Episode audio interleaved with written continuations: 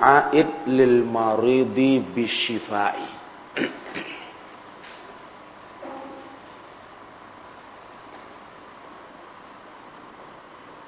Bab doanya orang yang mengunjungi aid orang yang mengunjungi untuk kepada orang sakit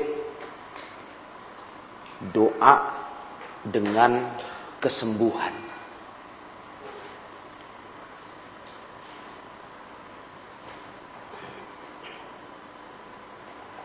Artinya ini tuntunan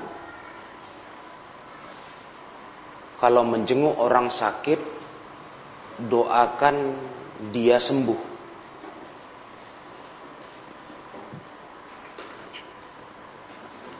Hadisnya an salasatin min bani Sa'din kulluhum yuhaddithu an abi dari tiga orang dari anak-anak Sa'ad, Bani Sa'ad.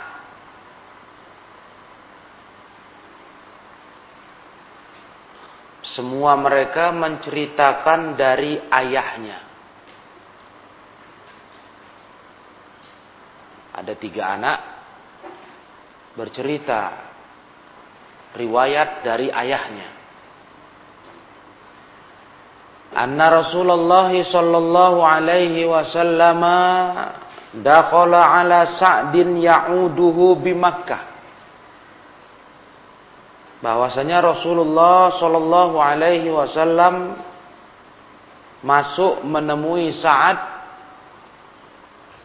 menjenguknya di kota Mekah. Fabaka. Waktu itu Sa'ad menangis ketika dijenguk Rasulullah sallallahu alaihi wasallam. Faqala ma yubkika? Rasul tanya, apa yang bikin kau menangis? Karena apa kau nangis? Qala saat menjawab, khasyitu an amuta bil ardil lati hajartu minha.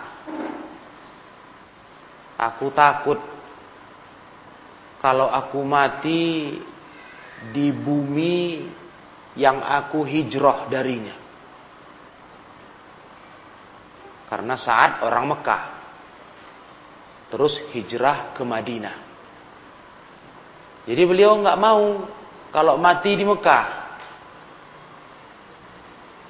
Karena beliau hijrah, sudah hijrah dari Mekah. Pengen beliau mati di Madinah dekat Rasulullah sallallahu alaihi. Kama mata Sa'ad sebagaimana mati si Sa'ad. Ada Sa'ad bin Khawlah namanya. Meninggalnya di Mekah. Ah, beliau nggak mau kayak gitu. Beliau mau meninggalnya di Madinah. Karena sudah ditinggalkan di Mekah, sudah hijrah. Jadi nggak mau, nggak seneng rasanya kok mati lagi di Mekah. Qala mendengar itu Rasul berkata, Allahumma shfi Sa'dan. Nah, ya Allah, sembuhkanlah Sa'ad. Tiga kali, salasan. Tiga kali Nabi doakan. Jadi Sa'ad menangis bukan apa-apa. Menangis karena nggak ingin meninggal di Mekah karena sudah merasa hijrah ke Madinah. Ya kan? Walaupun Mekah kemudian menjadi negeri Islam ya, ketika sudah takluk di bawah eh, pasukan Rasulullah SAW.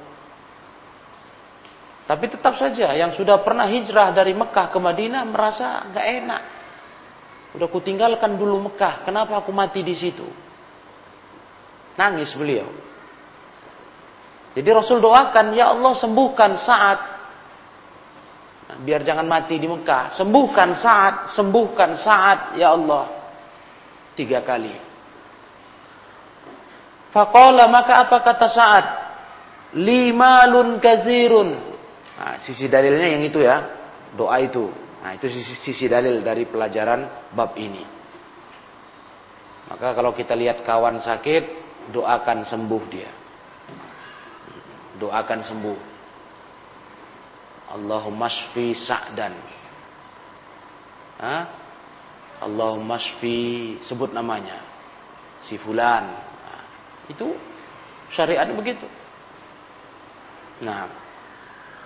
Nah, kemudian dia berkata, "Ya Rasulullah, aku punya banyak harta, lima lun kazirun. Yarithuni ibnati." Yang akan mewarisi hartaku itu anak perempuanku. Nah, cuma anak perempuan. Hartaku banyak. Fa'usini bimali, afa'usi bimali kulli. Afa'usi bimali kulli Apakah boleh aku wasiatkan semua hartaku? Aku wasiatkan aja semua untuk agama Allah. Karena hartaku banyak. Ahli waris cuma satu. Cuma anak perempuan. Apa kata Nabi? Qala la. Tidak. Jangan. Tak boleh. Tidak boleh kau wasiatkan, kau sedekahkan semua hartamu. Qala fabith thulutsaini. Nah, boleh enggak ya Rasulullah kalau ku berikan sedekah wasiatku thulutsain. Nah, dua per tiga. Dua per tiga. Jadi kalau dibagi tiga, ya, harta itu dibagi tiga, ah, dua per tiganya. Berarti tinggal berapa? Sepertiga untuk anaknya. Kan gitu. Ya kan? Nah, dua per tiga. Kata Rasulullah, tidak boleh. Tidak, jangan. Kalau fanisfu. Kalau gitu ya Rasul, setengah boleh enggak? Nah, kalau dua per tiga, berarti kan tiga bagian, dua diambil untuk sedekah. Wasiat, satu bagian untuk anak, sepertiga. Kalau setengah, berarti bagi dua. Imbang setengah anak, setengah wasiat. Imbang. Nah, kata Rasul, la, tidak. Tidak boleh. Qala fathuluthu. Kalau begitu ya Rasul, sepertiga boleh enggak? Nah, sepertiga. Berarti kalau dibagi tiga hartanya, dua bagian untuk anak, satu bagian untuk wasiat, sedekah. Nah, lebih sedikit berarti kan? Apa kata Nabi? As-sulusu kasirun. Ya, itu dia. Sepertiga itu sudah banyak. Hmm. Itu sudah banyak itu kata Nabi. Kalau sepertiga kau wasiatkan untuk sedekah. Sudah banyak. Masya Allah. Inna sodakotaka min malika sodak.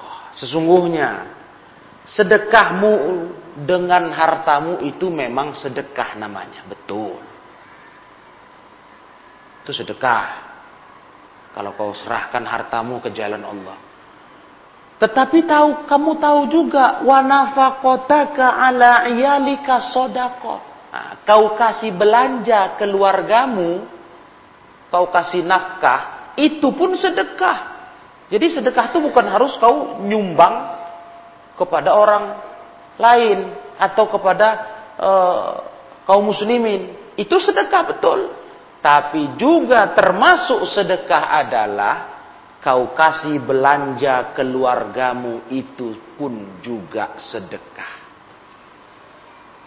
Jadi kalau ada orang-orang sebagai bapak-bapak dia suami, ayah, dia kerja, dapat duit, terus belanja untuk anak istri. Sedekah itu nilainya sama. Nah, jadi jangan dikira sedekah itu mesti harus kau keluarkan ke orang lain, kepada muslimin. Itu sedekah juga perlu, bukan nggak perlu. Tapi jangan lupa hak keluargamu. Nah, karena tadi sahabat saat ber, berniat Mau semua dia kasih untuk sedekah. Nggak boleh lah. Terus turun lagi, dua per tiga. Nggak boleh. Turun lagi setengah, nggak boleh. Turun lagi sepertiga, baru boleh. Nah, wa ma ta'kulu imra'atuka min ta'amika laka. Dan apa yang dimakan istrimu dari makananmu yang kau beli, dimakan istrimu, itu pun sedekah. Untuk anakmu belanja kau biar bisa makan anak istrimu, sedekah itu kata Nabi. Jadi bukan maksudnya gini ya, bukan maksudnya terus kita nggak perlu sedekah kasih kawan yang butuh, bukan gitu. Nggak pernah berinfak bersedekah, nggak begitu. Itu tetap perlu membantu saudara kita yang butuh sedekah. Boleh, harus itu. Cuma jangan sampai mengabaikan keluarga. Nah, ini yang salah. Paham? Dia sedekah sana, sedekah sini. Anak istri payah makan. Susah belanja. Nah, tapi kalau sedekah ke orang lain banyak-banyak. Nah itu salah, nggak boleh itu. Ya. Karena anak istrimu itu juga tempat kau bersedekah. Kau belikan makanan, kau belanjakan, itu nilainya sedekah yang dimakan keluargamu. Paham di sini? Nah, jadi orang jangan salah ngerti, jangan makna sedekah itu hanya dipikirnya ngasih-ngasih orang. Itu sedekah juga. Itu sedekah. Tapi ingat keluargamu, tanggung jawabmu. Di situ pun kau bersedekah kepada mereka. Wa innaka anta da'a ahlaka bi khairin. Dan sungguh kau meninggalkan keluargamu dengan kebaikan. Au qala bi'aishin khairin. Atau dengan kehidupan yang baik. Kau tinggalkan mereka yakni kau tinggal mati. Wafat kamu meninggal dunia keluarga kau yang masih hidup anak istrimu kau tinggalkan dengan hidup yang baik ya dengan hidup yang bagus Nah, itu khairun min antada'ahum yatakaffafunan nas. Itu lebih baik daripada kau tinggalkan mereka yatakaffafunan nas. Yatakaffafun itu maknanya meminta-minta ke orang lain. Qala wa qala biyadih dan Rasul mengisyaratkan dengan tangannya. Nah, kayak mana orang minta-minta, pakai tangan Nabi contohkan. Lebih baik kau tinggalkan mereka dengan kehidupan yang layak daripada mereka minta-minta ke orang lain. Hmm.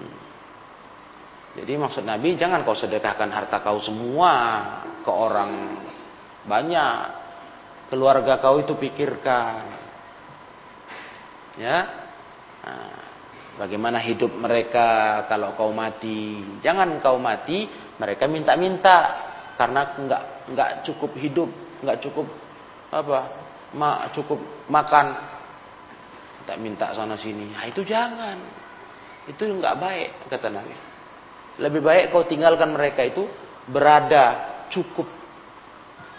Nah, ya di sini kita dapati yang paling inti apa dari pelajaran kita? Bahwa Rasulullah Shallallahu Alaihi Wasallam menyuruh kita mendoakan orang sakit dicontohkan dengan doa Rasul ya Allah sembuhkan saat Allahumma shfi sa'dan Allahumma shfi sa'dan Allahumma shfi sa'dan ya kalau datang ke tempat kawan nengok dia sakit doakan dia Nah, ya Allah sembuhkanlah kawanku ini ya Allah. Ya Allah sembuhkan dia. Ya Allah sembuhkan dia. Nah, itu adabnya. Nah, itu syahid dari hadis ini. Du'aul aid lil maridi bisyifa. Begitulah tuntunannya. Kalau di pelajaran yang lalu kita disunahkan menyentuh yang sakit, doakan dia. Iya. Karena orang sakit itu butuh perhatian. Orang sakit itu cenderungnya mengkek, manja, ya kan? Mengkek, manja. Nah, kepengennya diperhatikan, diurus, nah, ditengok-tengok. Nah, gitu orang sakit. Makanya sangat-sangat dianjurkan ya datul marid, jenguk orang sakit, menghibur dia itu. Orang sakit itu menghibur kali kalau ditengok. Hah? Diurusin, dipijetin badannya yang sakit itu, ya dikusuin, didoain. Nah, itu obat itu untuk orang sakit, ya kan? Itulah sifatnya kita manusia. Kalau sakit maunya digitukan. Nah, nah, begitu kita dengarkan doa orang yang jenguk, ya Allah sembuhkan dia. Ah, itu menjadi apa? Penyemangat. Hmm, semangat dia untuk sehat. Nah, terus kalau sakitnya parah betul, nah, ya ini betul-betul menyiksa kali, nah, kita ingatkan dia, lah baksa, nggak apa-apa, sabar, Tahur insyaallah. Kan gitu. Ini adab orang yang menjenguk saudaranya. Nah. Ya, kemudian ada tambahan faedah tadi tentang masalah sodakoh. Ya, sodakoh. Jangan kita hanya sodakoh perhatian kepada orang lain, tapi terus tak memperhatikan keluarga. Hmm, nggak peduli dengan keluarga, pelit, Ngasih orang semangat untuk keluarga pelit. Nah, itu nggak boleh begitu. Ya kan? Kalau untuk orang lain itu perlu, bukan nggak perlu. Kita sedekah, bantu orang. Tapi keluarga kita juga perlu dan lebih perlu. Kenapa? Mereka tanggung jawab kita. Wajib dinafkahi. Sahih? Keluarga kan wajib dinafkahi. Nah, jadi kenapa kok orang lain kau peduli sama mereka? Kasih sana, kasih sini, sedekah sana, sedekah sini. Keluarga kesulitan hidup. Nah ini salah. Makan anak istrimu dari hartamu, dari makananmu itu sedekah. Itu sedekah. Maka pedulilah perhatianlah kepada keluarga. Itu dia pelajaran tambahan kita. Ya. Nah, dan kalau kau mati, lebih baik kau tinggalkan anak istrimu dalam kondisi cukup. Nggak perlu minta-minta orang untuk makan. Cukup dari peninggalan warisanmu. Gitu. Itulah ajaran Islam. Taib. Dan di sini juga ada faidah yang tersirat nah, tersimpan dalam makna hadis ini. Apa itu? Kuatnya cintanya para sahabat kepada Nabi Shallallahu Alaihi Wasallam. Mereka sangat kepengen selalu menemani Nabi. Iya hijrah sama Nabi jadi mereka merasa kalau mati mati lagi di Mekah aduh jauh dari Nabi. Nah, itu yang mereka sedih. Itulah kuatnya cinta sahabat kepada Nabi Shallallahu Alaihi Wasallam.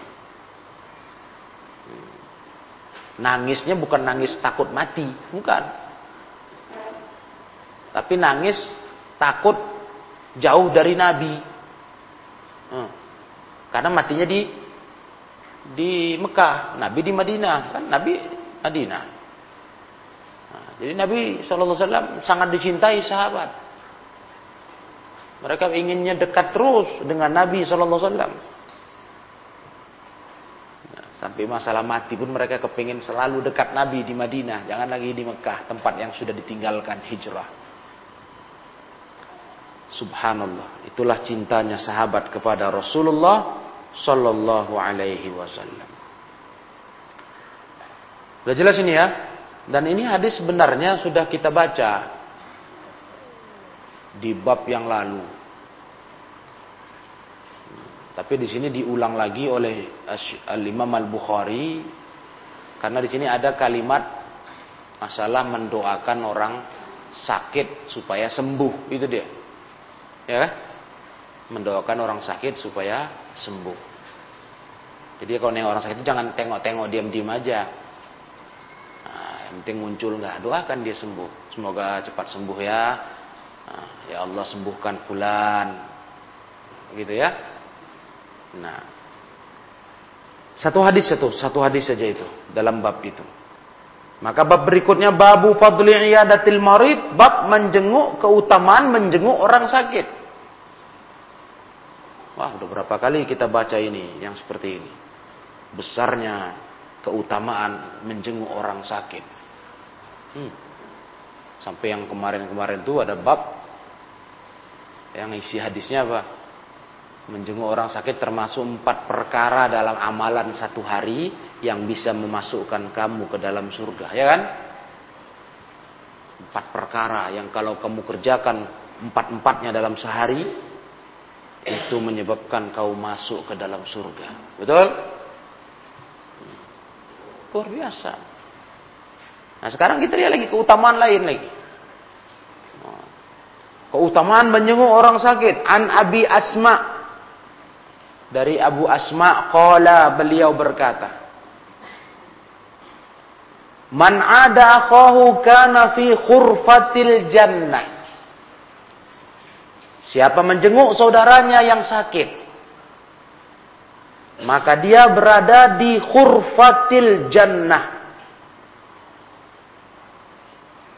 Qala qultu li Abi Qilabah aku tanya kepada Abu Qilabah Ma khurfatul jannah? Apa itu arti khurfatul jannah? Perhatikan bacanya. Khurfatul jannah. Kata beliau, dijawabnya janaha. Nah, janaha itu taman yang penuh buah-buahan siap dipetik. Itu arti khurfatul jannah. Nah, taman yang buah-buahnya, pohon-pohonnya siap dipetik. Kalau kita datang ke orang sakit, kita ibarat di taman-taman surga itu yang siap metik buah. Wah, hebat betul keutamaannya. Hah? Qultu li Abi Qilabah, aku katakan kepada Abu Qilabah, Amman haddatsahu Abu Asma' Dari siapa meriwayatkannya Abu Asma itu? Dari siapa dia diriwayatkan? Ini kan masalahnya masalah gaib. Kalau kita jenguk orang sakit, kita ibarat di taman surga yang pohonnya siap dipetik buahnya. Dari siapa dia tahu itu? Riwayatnya siapa? Qala an Sauban dari Sauban. Abu Asma meriwayatkannya dari Sauban an Rasulullah sallallahu alaihi wasallam dari Rasulullah sallallahu alaihi wasallam. Oh, itu hadis. Nah, itulah ulama dulu gitu kalau memastikan riwayat. Ini riwayat siapa? Sanadnya sanadnya dari mana? Hmm, gitu. Nggak bisa asal ada bunyi Rasul bersabda. Hmm, nggak bisa. Dicari tahu mereka. Dari siapa riwayatnya? Karena ini masalahnya masalah gaib. Nggak bisa kita ngomong asal-asalan. Ini harus ada dalil, dalil riwayat. Itulah ulama salaf dulu. Teliti. Teliti dan jeli. Mencari tahu dengan serius. Ini riwayatnya siapa? Paham Nah di sini Ulama menerangkan tentang kalimat hurfah tadi. Hurfah itu sebetulnya bukan hanya maknanya satu, bukan hanya janaha. Nah, kalau secara secara syarahnya, hurfah itu ada beberapa kalimat makna.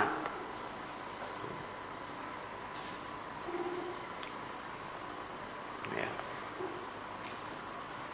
Ada yang mengartikan hurfah itu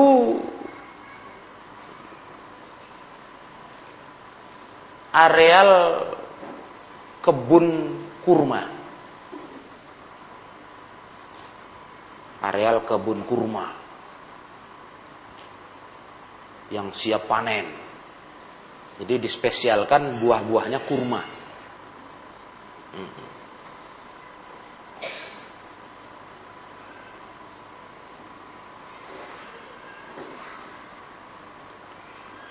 Itu tafsir lain dari kalimat khurfah. Tadi yang pertama yang di kitab ini di hadis janaha.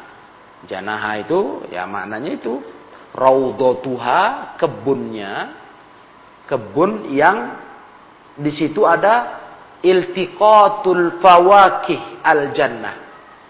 Ada kesempatan kalau duduk situ mengambil buah-buahan di surga.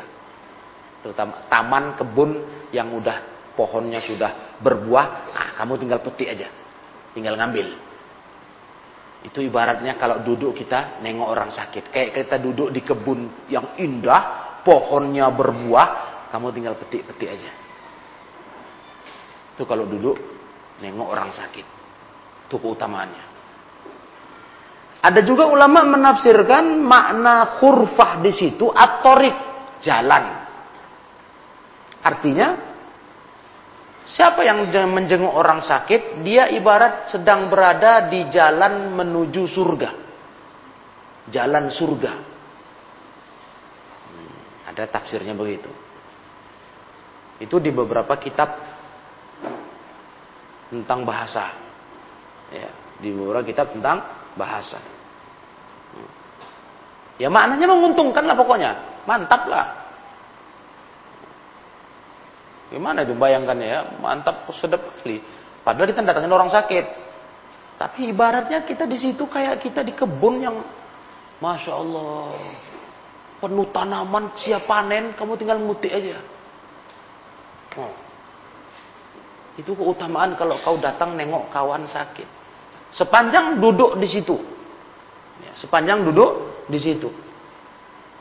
Sampai pulang. Itu barat kita masuk ke kebun, kebun penuh tanaman, buah-buahan. Sampai pulang kita dari menjenguk orang sakit. Nah, jadi besarnya keutamaan itu menunjukkan menjenguk orang sakit memang amalan yang istimewa. Amalan istimewa. Hmm. Amalan yang luar biasa. Bukan hanya hak muslim saja. Dari hak muslim yang lima pernah kita baca kemarin. Nah, menjenguk dia yang sakit. Bukan hanya itu, tapi di situ ada keutamaan-keutamaan yang besar. Besar sekali. Istimewa. Maka kita bersegera nengok kawan sakit, nengok kawan sedang nggak enak badan, eh, terbaring lemah. Coba. Ya datul marid, ya jenguklah orang sakit. Ya, kecuali dia memang nggak berkenan dijenguk. Entah pula. Nah, itu kita nggak bisa datang. Mungkin dia sedang uh, butuh istirahat nggak terima tamu. Ya sudah nggak apa-apa. Atau dia sedang isolasi ya kan? Di musim-musim wabah ini kan ada istilahnya isolasi. Nah, nggak boleh ditengok dilarang ya sudah doai saja. Nah, begitu. Ya pokoknya kita bersemangat berusaha bisa menjenguk kawan yang sakit. Karena kita mau cari keutamaan cari pahala. Pahalanya besar. Pahalanya besar luar biasa. Nah, nah kemudian babul hadis lil maridi wal aid Bab tentang hadis untuk orang sakit dan untuk penjenguknya. Apa maksudnya? Hadis untuk orang sakit dan untuk orang yang menjenguknya. Kita baca riwayatnya biar jelas mak makna bab ini. An Abi Bakr bin Hazmin wa Muhammad ibnil Munkadir fi nasin min ahlil masjid. Dari Abu Bakar bin Hazm dan Muhammad bin Al-Munkadir mereka berada bersama sekelompok orang manusia dari para ahli masjid. Kumpul-kumpul gitu. Fi nasin min ahli masjid berarti kumpul-kumpul dengan jamaah masjid adu Umar bin al-Hakam bin Rafi' al-Ansari mereka menjenguk Umar bin al-Hakam bin Rafi' al-Ansari. Lagi sakit Umar. Umar ibnil Hakam. Jadi mereka menjenguk. Kumpul-kumpul di masjid. Yuk kita ke rumahnya yuk. Gitu. Qalu ya Aba Hafsin. Mereka berkata, wahai Abu Hafs, hadisna Coba kasih kami riwayat. Ceritakan kepada kami riwayat. Hadisna. Ceritakan kepada kami riwayat. Itu maksudnya hadis untuk orang sakit dan untuk orang yang jenguk. Nah, lihat di sini menunjukkan apa? Semangatnya ulama salaf itu untuk mendengar hadis Nabi, mengambil manfaat dari hadis Nabi. Walaupun sedang nengok orang sakit. Coba ceritakan kami satu hadis lah. Nah, semangat ini lagi nengok orang sakit ini. Minta disampaikan sebuah riwayat. Masya Allah. Hmm. Akan, nggak ini apa, nggak terus.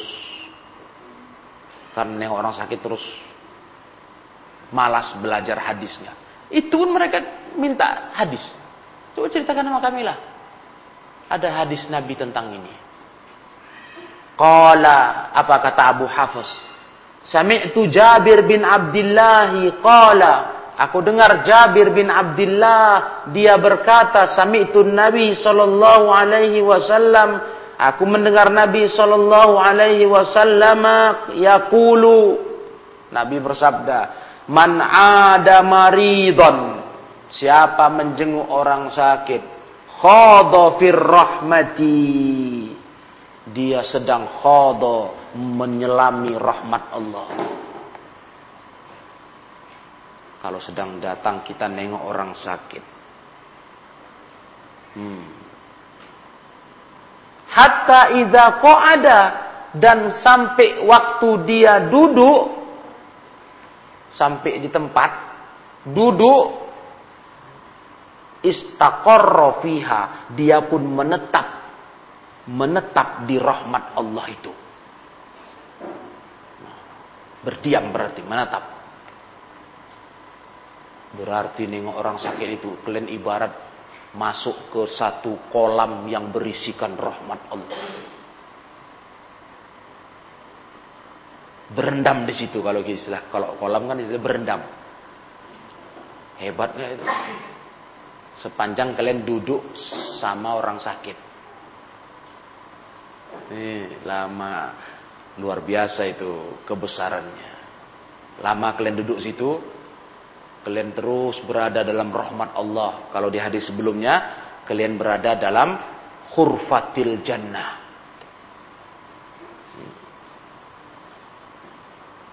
Jadi memang istimewa kali lah.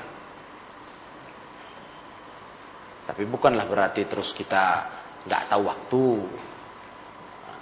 Mau lama selama lamanya nggak begitu. Kita tengoklah waktu. Yang sakit kan butuh istirahat, ya kan? Itu istirahat dia.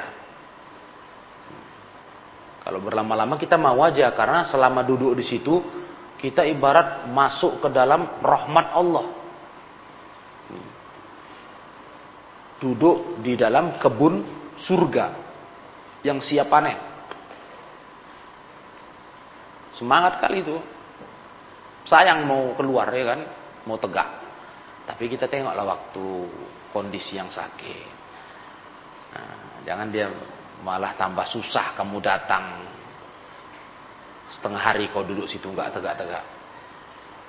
Waduh, dia kan butuh istirahat, butuh tidur. Orang sakit kan begitu. Nah, kita tengok-tengok waktunya. Yang pasti duduk dengan orang sakit itu menjenguk dia itu keutamaannya besar kali. Hmm.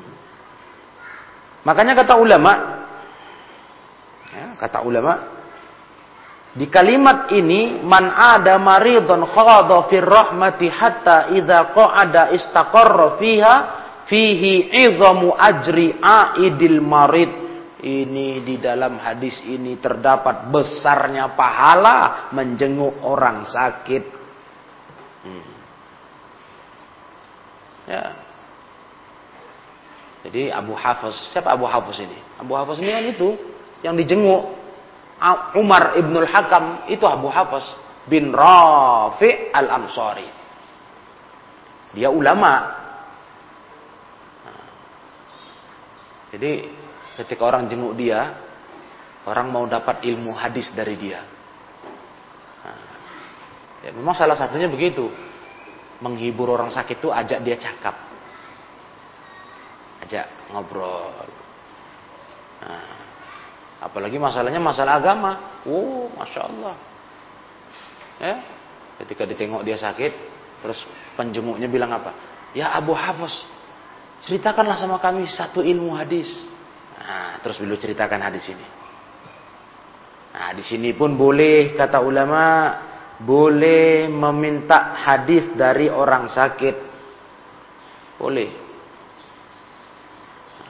Artinya kita ngajak dia ngobrol, ngajak dia bicara-bicara yang faidah lah, ya kan? Yang berfaidah.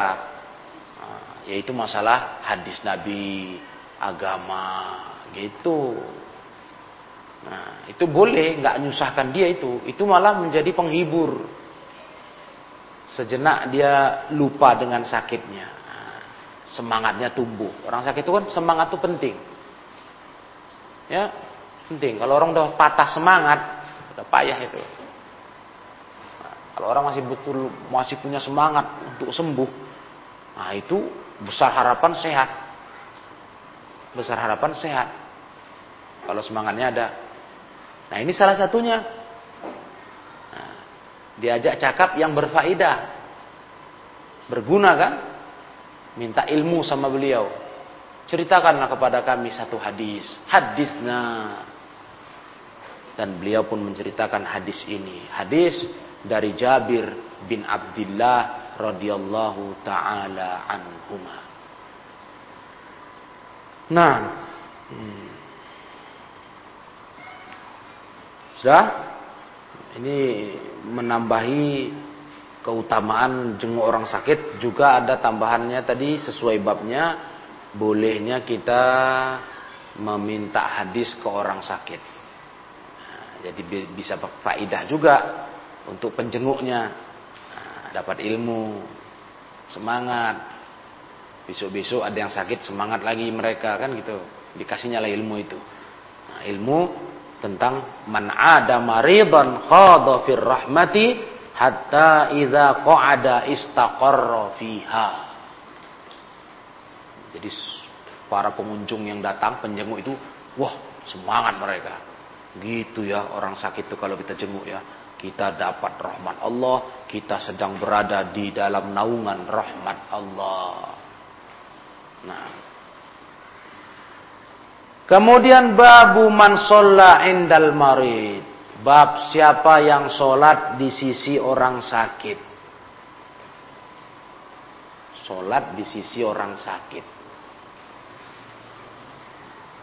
An atau kola dari Atta dia berkata, ada nih Umar ibnu Sofwan menjenguk aku Umar bin Sofwan. Fahadaratis solatu. Waktu menjenguk aku masuk waktu sholat. Hmm hadaratis sholatu masuk waktu sholat Fasalla bihim ibnu Umar rok'ataini. Maka ibnu Umar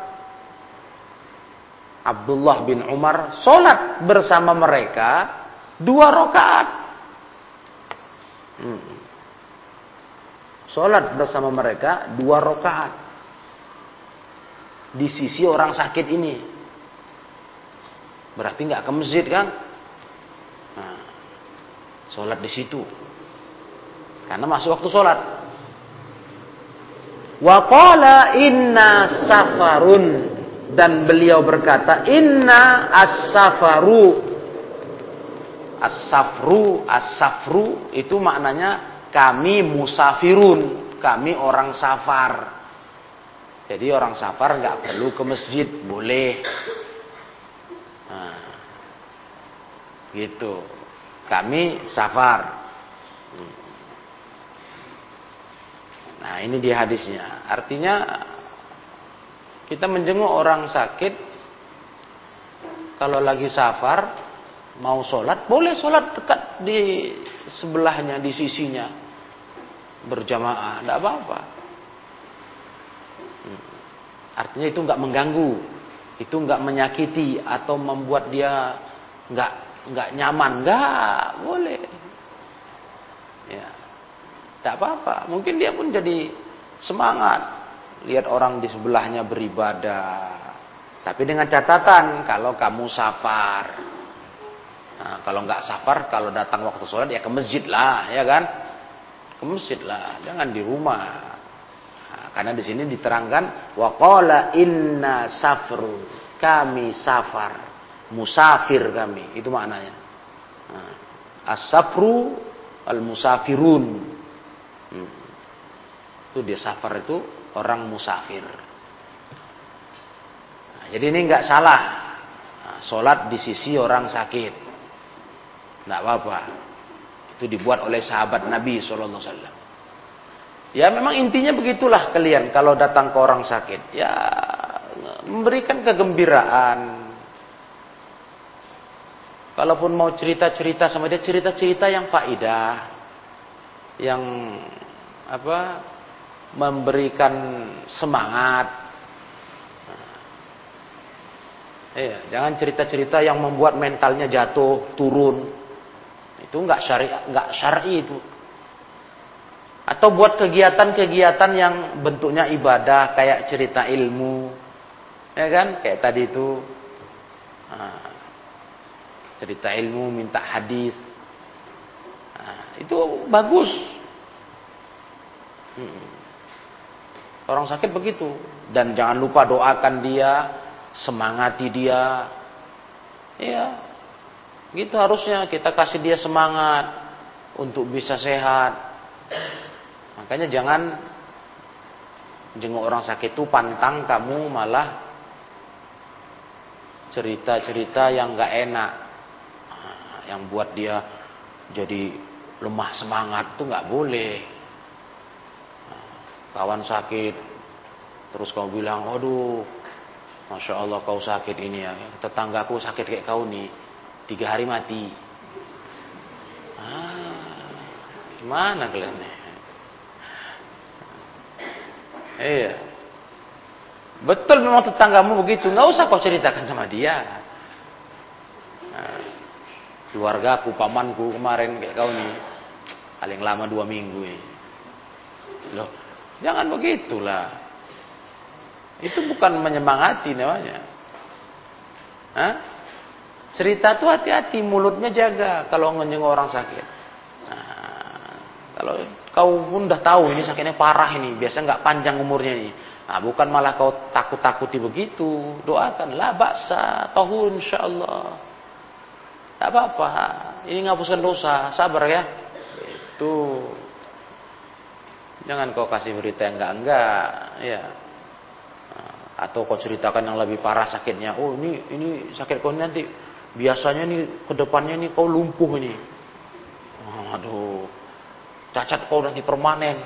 Enggak begitu. Itu kurang akal yang jenguk itu. Ya kan? Kurang akal sehat. Nah, Wallahu a'lam. Jadi begitu ya.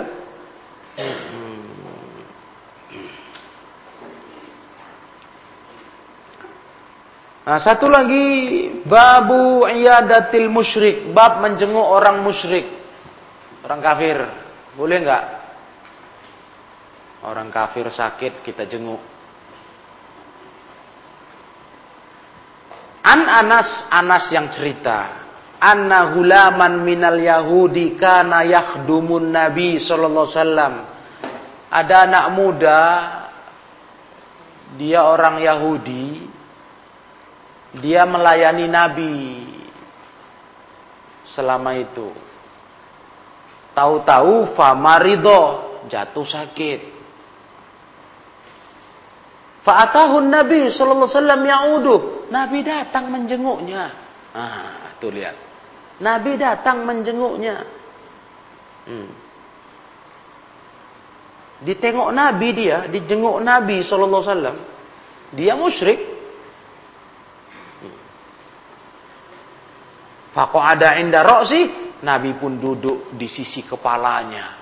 Dia udah tergeletak anak ini, anak muda ini. Fakola apa kata Nabi? Aslim. Hei anak muda, masuk Islamlah kau. Diajak Nabi kepada Islam. Fanadhara ila abihi wa huwa inda. Dia pun melirik ke ayahnya. Ayahnya dia sedang duduk di sisi kepalanya juga sama-sama Nabi, ayah dia, ayah si anak Yahudi ini. Faqala lahu ati Abul Qasim sallallahu alaihi wasallam. Apa katanya? Kau taatilah Abul Qasim ini. Dengar cakapnya. Fa aslama anak itu pun masuk Islam. Dah, masuk Islam kan? Dijenguk Nabi, Fakharajan Nabi sallallahu alaihi wasallam Nabi pun pulang keluar dan Nabi berkata apa? Alhamdulillahillazi anqadhahu minan nar.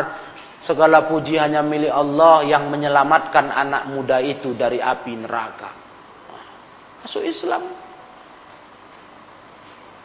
Nah, dari sini kata para ulama boleh nengok orang sakit yang musyrik, yang kafir boleh dengan syarat. Tuh, dengar, dengan syarat. Idza tarajjahatil maslahatu apabila lebih kuat maslahatnya dengan kau tengok orang sakit itu yang kafir tadi lebih besar maslahatnya. Seperti dengan kau tengok dia terbuka hatinya kepada Islam. Nah, atau kau tengok dia yang dulunya dia benci kali sama Islam. Benci kali sama dakwah ini. Gak suka kali dia. Jadi lunak hatinya. Nah, setelah ditengoknya, ih Bagusnya orang Islam ini. Dulu ku pikir tetanggaku ini nggak beres ini. Bagus dia datang dia tengok aku. Nah, ada maslahatnya, boleh. Nah. Dan syarat kedua walam yukhshal mafsadah, tidak ditakutkan ada kerusakan. Nggak menimbulkan kerusakan atas dirimu yang menjenguk Ah, atau nanti muncul fitnah-fitnah. Gak ada yang dia khawatirkan. Dan yang nampak olehmu ini banyak baiknya ini, banyak bagusnya kalau ku jenguk. Jenguk. Nah, maka sering orang pertanyaan muncul, gimana nengok orang sakit, tetangga sakit, kawan kerja sakit. Kafir tapi dia. Nah, boleh nggak kami jenguk dia Ustaz? Nengok orang sakit. Nah, boleh saja. Tapi kalau maslahatnya lebih kuat. Nah, kau pertimbangkanlah. Ya. Lihat Nabi maslahatnya. Kalau Nabi bisa mengislamkan anak Yahudi tadi, betul? Nah. Jadi kalau kau lihat masalahnya kuat, jenguk. Mana tahu di saat kau jenguk itu kau masukkan nasihat tentang Islam. Wah, terbuka hatinya.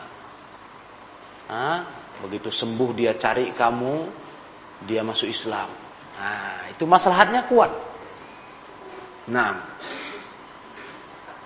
itu hukum melihat orang sakit kalau kafir ya.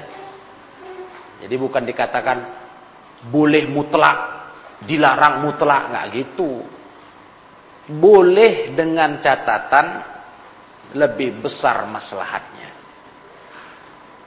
Apalagi tetangga kita kan sebelah rumah tetangga. Besar maslahatnya itu kalau kau tengok dia sakit. Kita tunjukkan kepada dia Islam ini agama yang sangat menjaga hubungan bertetangga. Ah. Itu membuat hatinya lunak, takliful kulub. Sakit dia. Si suaminya sakit, tetanggaku ini. Nah, kita datang bawakan dia makanan. Lunak hatinya. Lembut nengok Islam. Nah, itu masalahnya besar. Boleh kita jenguk dia. Karena kita kenal betul kan tetangga. Datang kita bawakan makanan karena dia sakit. Nggak ada cari uang, susah makan. Datang pula kita ngasih makanan. Wah itu hatinya langsung merasa gembira dan dia punya penilaian baik terhadap Islam. Itu masalahnya ya. Nah, jadi itu intinya jahatil maslahatu walam yuhsal mafsadatu. Lebih kuat maslahatnya dan tidak ditakutkan kerusakannya. Endom? Dan di sini Rasul sangat gembira dengan masuk Islamnya seseorang. Wow, senang kali Rasul. Keluar dari rumah itu Rasul langsung berkata, Alhamdulillahilladzi anqadhahu minan nar. Senang kali Rasul. Nengok orang masuk Islam. Gembira kali. Hmm. Iya.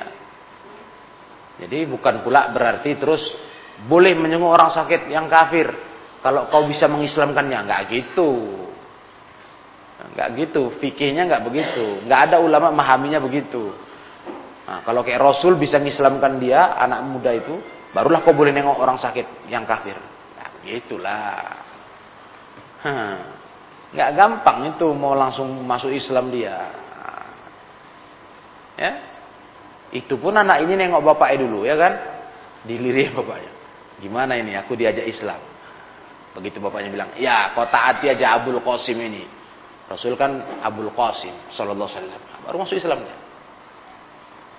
Nah, jadi maslahat di sini bukan maslahat yang harus bisa mengislamkan orang sakit yang kafir itu. Enggak. Pokoknya maslahatnya besar kau pandang. Baik maslahat masalah bertetangga. Nah, maslahat dia jadi menilai Islam itu dengan penilaian yang baik, melunakkan hati dia. Itu masalah itu. Boleh kau tengok dia, datanglah. Hmm? Datanglah kepada orang sakit yang kafir itu. Nah, wallahu alam bisawab. Taib. Hmm. Dah, jadi itulah pelajaran kita. Ada beberapa bab banyak bab ya cuma itu karena babnya satu hadis satu hadis isinya nah, jadi babnya pun banyak bisa kita baca wallahu alam bissawab ya ilahuna sampai di sini wallahu alam bissawab. Subhanakallahumma wa bihamdik. Asyhadu an la ilaha illa anta astaghfiruka wa atubu ilaik. Walhamdulillahi rabbil alamin